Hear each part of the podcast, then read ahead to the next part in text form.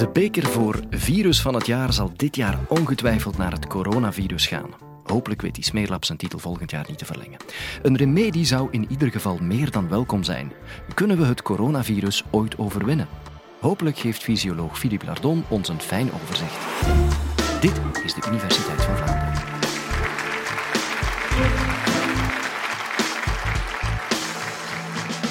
Stel je voor, het is 1 tienduizendste van een millimeter klein en het houdt onze hele aardbol in de ban. Het coronavirus.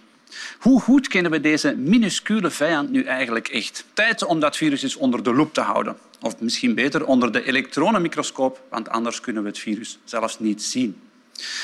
Het is een virus, jawel, met een kroontje. Ik ga je vertellen wat dit virus nu precies is, hoe het ons lichaam binnendringt en onze cellen infecteert, hoe ons lichaam reageert en hoe we als medische wetenschappers met vereende kracht plannen om dit virus ooit te overwinnen. Want ja, we zullen het virus ooit overwinnen. Het is alleen een huzarenstuk om dat op een zo kort mogelijke manier te kunnen doen. Want de tijd dringt. Laten we beginnen bij het begin. Wat is dat eigenlijk, een virus? Of misschien beter, wat is een virus niet? Een virus is geen cel en een virus is geen bacterie. Dat is een heel, heel, heel belangrijk verschil. We kennen de cellen allemaal als de bouwsteentjes van ons leven, van ons lichaam. Bijvoorbeeld, ons lichaam is opgedeeld uit 40.000 miljard van die cellen. En die cellen die kunnen allemaal bewegen, die kunnen zichzelf vermenigvuldigen, die kunnen uh, energie maken. Al die cellen zijn levend. En ook bacteriën zijn dat, want dat zijn ook cellen. Maar een virus kan dat allemaal niet. Volgens de biologische definitie is een virus een stukje erfelijk materiaal verpakt in een eiwitomhulsel. That's it. Meer is een virus niet. Het is ook bijzonder klein. Ik heb het u al gezegd, een tienduizendste van een millimeter. Als ik dat in perspectief breng met een menselijke cel, die ook al microscopisch klein is. Een cel is grote orde honderdste van een millimeter. Een bacterie is kleiner, grote orde van een duizendste van een millimeter. Maar een virus is nog veel kleiner, grote orde van een tienduizendste van een millimeter. Zo groot is dat verpakt stukje erfelijk materiaal. En dat erfelijk materiaal kan DNA zijn, dat we kennen, zoals in onze eigen cellen. Maar bij heel veel virussen is dat ook het wat onstabielere RNA. En RNA-virussen zijn soms moeilijker te bestrijden omdat ze van genetische identiteit kunnen wijzigen. We kennen dat van het HIV-virus dat aids veroorzaakt. Eiwitomhulsel is ook heel belangrijk voor het virus. We noemen dat ook wel eens de proteïnemantel of de enveloppe. En in die enveloppen zitten bij heel veel virussen ook heel wat eiwitten die daar zelfs kunnen uitsteken. En de enveloppe bepaalt zo'n beetje de vorm van het virus. En ook de uitsteeksels zijn belangrijk. En dat zijn heel belangrijke stukjes voor het virus, want daarmee kan het de omgeving gaan verkennen. Wat hebben virussen dan eigenlijk niet, wat een cel, bijvoorbeeld een bacterie, wel heeft? Wel, een virus heeft geen eiwitten en mechanismen om te vermenigvuldigen. Een virus heeft geen eiwitten en mechanismen om energie te maken, bouwstenen te maken. Cellen hebben dat wel, bacteriën hebben dat ook, virussen hebben dat niet. Dus op zich kan een virus niet overleven. Sommige biologen zeggen zelfs dat een virus eigenlijk geen leven is, want het kan niks doen. Het heeft daarvoor een gastheercel nodig. Een virus moet altijd kunnen binnendringen in een gastheercel, daar alles overnemen en dan kan het wel zichzelf laten vermenigvuldigen en energie maken en dergelijke meer.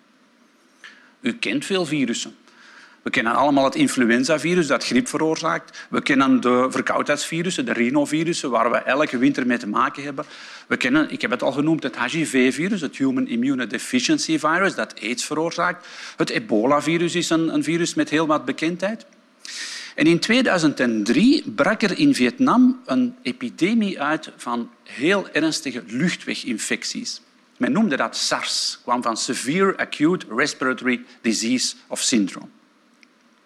Al snel bleek ook daar de veroorzaker een virus te zijn, meer bepaald een coronavirus. Dat is al een belletje dat, ja, dat we laten rinkelen. En dat coronavirus kreeg de naam SARS-CoV.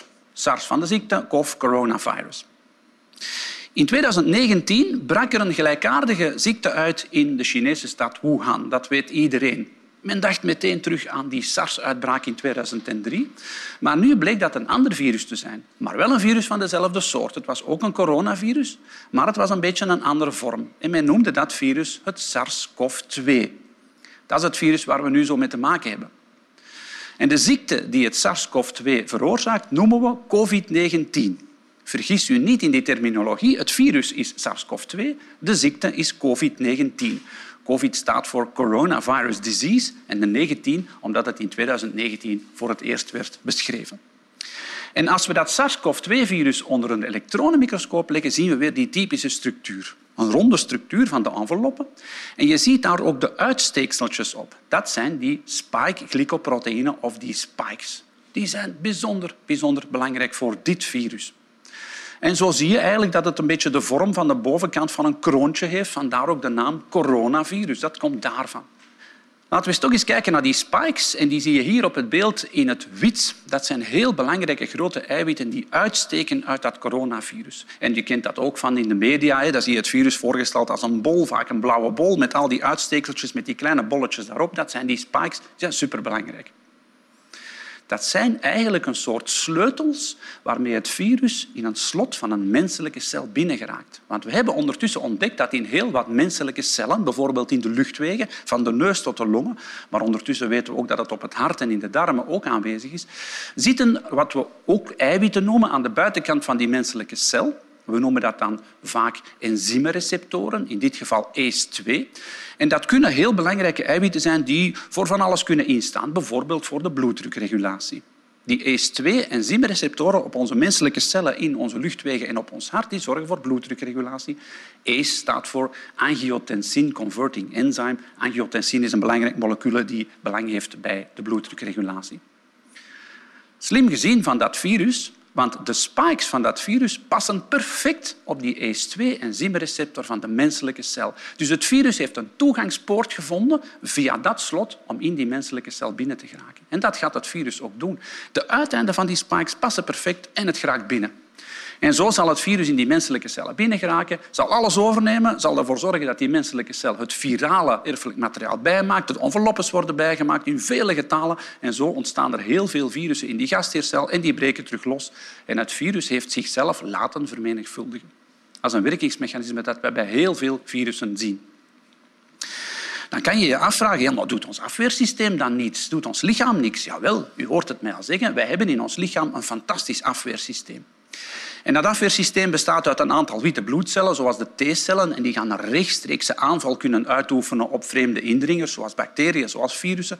En als dat niet genoeg is, gaat ons afweersysteem ook nog eens wapens aanmaken. En die wapens noemen we antistoffen of antilichamen. Die kunnen ook een aanval doen op die vreemde indringers.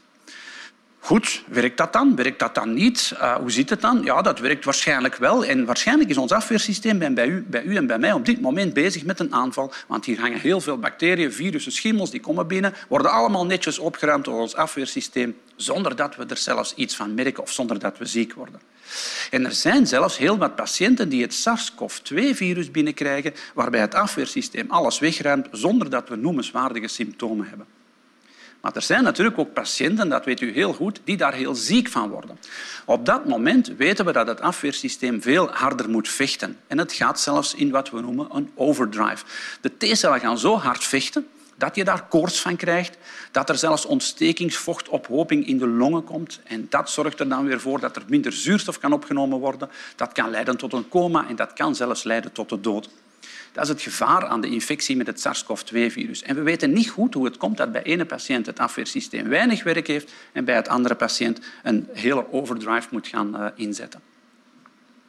In ieder geval, het is tijd om medisch in te grijpen. We moeten daar iets aan doen. We moeten de zieke patiënten helpen, of nog liever, we moeten ervoor zorgen dat mensen niet meer kunnen ziek gemaakt worden door dat SARS-CoV-2-virus. Vandaar dat we medisch ingrijpen. En hoe gaan we dat doen?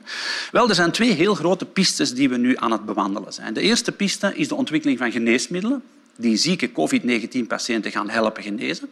De andere piste is de ontwikkeling van vaccins. Dat is niet voor COVID-19-patiënten, dat is juist voor alle personen die nog nooit in aanraking zijn geweest met dat virus, om hen immuun te maken, zodanig dat ze niet ziek kunnen gemaakt worden door het virus. Laat ik eerst even kijken naar die geneesmiddelen. En misschien eerst heel duidelijk zeggen, antibiotica werken niet tegen het SARS-CoV-2-virus. Antibiotica werken tegen geen enkel virus. Wat ook sommige wereldleiders mogen vertellen, het werkt daar niet tegen. Antibiotica werken wel heel goed tegen bepaalde bacteriën. Het grijpt in in de cellulaire delingsprocessen van een bacterie en het zal dat ook blokkeren, maar dat helpt dus niet bij een virus, want een virus is geen cel. Er bestaat wel een tegenhanger van de antibiotica tegen virussen. We noemen dat de antivirale middelen. En die zullen de vermenigvuldiging van virusdeeltjes gaan blokkeren. Maar die werken minder efficiënt. En in dit geval, voor het SARS-CoV-2-virus, hebben we eigenlijk nog geen enkel duidelijk goed antiviraal middel gevonden. Ook daar zijn we naar op zoek. Maar dat zou lang kunnen duren, vandaar dat we het ook nog eens over een andere boeg gaan gooien. En dan komt dat sleutelslotverhaal in ons vizier. Stel je voor dat we dat kunnen blokkeren. Stel je voor dat we er kunnen voor zorgen dat het virus niet meer kan binnendringen in die menselijke cel. En dat kunnen we.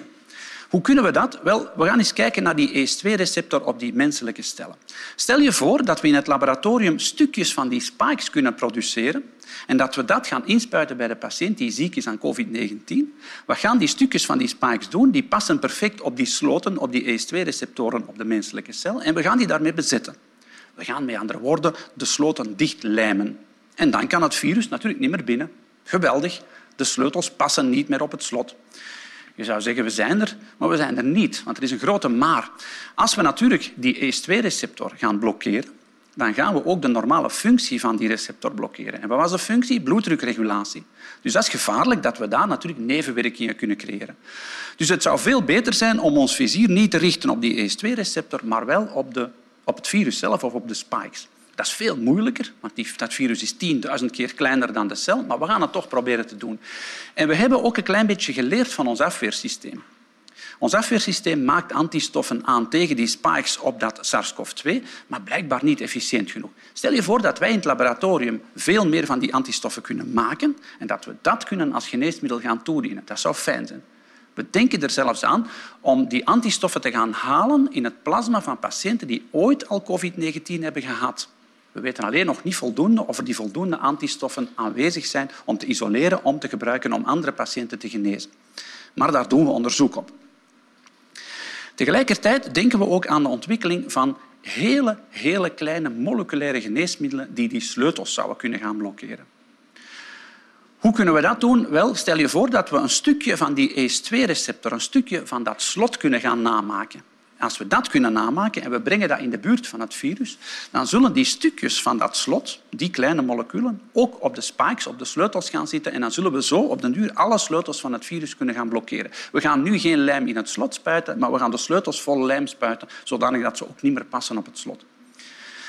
Dat is heel moeilijk, want dat zijn zeer, zeer kleine moleculen. Men denkt er zelfs aan om wat we noemen nanobodies in te zetten. Dat zijn nog kleinere moleculen die we op de sleuteltjes kunnen zetten om zo de sleutels eigenlijk te veranderen, zodanig dat ze ook niet meer in het slot kunnen, eh, kunnen ingrijpen. Dat zijn allemaal heel belangrijke pistes die op dit moment allemaal onderzocht worden. Tegelijkertijd denken we ook aan een vaccin. We moeten eigenlijk ooit een vaccin hebben tegen dat virus, net zoals we een vaccin tegen het griepvirus hebben. En hoe werkt het vaccin tegen een griepvirus? Wel, we gaan daarbij een verzwakt griepvirus inspuiten bij de patiënt. Zo verzwakt dat het ons niet kan ziek maken. Maar daarbij gaan we wel het afweersysteem op voorhand in paraatheid brengen. We gaan ons afweersysteem zeggen van als dit binnenkomt, dan moet je die antistoffen maken. Het afweersysteem maakt die antistoffen en die zijn dan klaar en voorhanden voor mocht er echt een griepvirus binnenkomen. Hetzelfde willen we hier proberen. We zouden een verzwakt SARS-CoV-2-virus willen maken om dan te gaan inspuiten bij de patiënt. Dat zou heel fijn zijn. En dat zou als grote voordeel hebben dat we het afweersysteem direct de juiste informatie geven, want dit is het virus waar je tegen moet vechten. Maar dat heeft natuurlijk als nadeel dat we ergens in het laboratorium het gevaarlijke SARS-CoV-2-virus moeten gaan opkweken en het op de juiste manier moeten kunnen gaan verzwakken.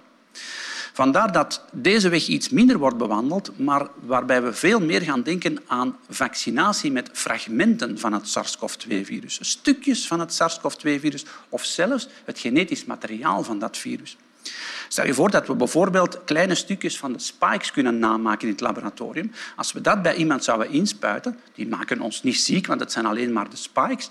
Maar dan worden er wel meteen antistoffen gemaakt tegen die spikes. En als er dan later toch een infectie zou zijn met het SARS-CoV-2-virus, worden meteen die spikes geëlimineerd en het virus wordt monddood gemaakt. Zelfs de genetische broncode zouden we kunnen gebruiken, maar dat is heel ingewikkeld. Dan zouden we het erfelijk materiaal kunnen isoleren uit het virus en dat aanbieden aan het afweersysteem alsof dat we een genetische identiteitskaart zouden aanbieden om te zeggen van als je ooit dit virus tegenkomt, dan moet je die antistoffen klaar hebben. Ook daar wordt onderzoek op gedaan. Er is zelfs een derde weg van vaccinonderzoek waarbij wij een heel ander virus, een niet ziekmakend virus, gaan gebruiken. En we gaan dat vermommen met de spikes van het SARS-CoV-2-virus. Als we dat kunnen inspuiten, maakt dat ons niet ziek, want het is een heel onschuldig virus. Maar de spikes worden wel zichtbaar door het afweersysteem en zo kunnen er ook eigenlijk afweersysteemcellen klaar, klaargemaakt worden om die spikes, in dit geval van het SARS-CoV-2-virus, uh, te gaan um, aanvallen. Ik hoor je natuurlijk nu al denken van oh, fantastisch, we zijn er bijna. Nee, we zijn er nog niet bijna. En dan vraag je je ook af, maar waarom duurt dat nu zo lang, die ontwikkeling van die geneesmiddelen, van die vaccins? Ja, kijk, um, dat is zeer ingewikkeld wat ik nu heb verteld. Dit is minuscuul klein. Je moet moleculaire geneesmiddelen kunnen maken. Je moet alles goed uittesten. Dat duurt lang. Je kan niet zomaar zeggen van ik heb een mogelijk geneesmiddel, ik zal het eens uittesten bij een patiënt. Dat kunnen we nooit doen. We moeten altijd de juiste wetenschappelijke laboratoriumtesten doen. En een nieuw geneesmiddel of een vaccin moet eerst uitgetest worden in een laboratorium op cellen, eventueel op proefdieren, eventueel op proefpersonen en dan passen voor echte klinische toepassingen. En de ontwikkeling van een nieuw geneesmiddel of een vaccin duurt doorgaans enkele jaren. Maar wij hebben nu niet enkele jaren. Vandaar dat nu alle academische centra en farmaceutische firma's wereldwijd een versnelling hoger schakelen om dat vaccin of die geneesmiddelen niet binnen enkele jaren, maar hopelijk binnen enkele maanden voorhanden te hebben. En dat zal ons super, super veel belang brengen. En overwinnen we dan het coronavirus? Ik denk met de, de rate waarbij we nu onderzoek doen naar het virus en naar alle mogelijke manieren om dat virus te gaan overwinnen, ik denk het wel. Maar vooralsnog hebben we geen geneesmiddel en geen vaccin. Dus vooralsnog moeten we ervoor zorgen dat we niet geïnfecteerd worden met dat SARS-CoV-2-virus. En hoe doen we dat? Door op goede hygiëne te doen, afstand te houden, handhygiëne, hoesthygiëne. Beste mensen, alsjeblieft, blijf u houden aan de maatregelen die de overheid en de gezondheidsexperten ons opleggen. Dat zal ook heel belangrijk zijn om dit virus te overwinnen. Ik ga eindigen met een applaus te vragen, maar niet zozeer voor mezelf maar wel voor alle mensen die de wereld rond en de klok rond werken om dat virus te bestrijden. Dat zijn onze virologen, onze vaccinologen, epidemiologen, farmacologen, biologen, fysiologen, maar zeker ook onze zorg- en verpleegkundigen en onze behandelende artsen. Zij zijn medehelden in dit verhaal. Dank u wel. Laten we hopen dat de vaccins en geneesmiddelen snel worden ontwikkeld. We kunnen intussen wel al in onze bubbel uitleggen hoe zo'n vaccin werkt. Dan zijn er toch al tien mensen onder de indruk.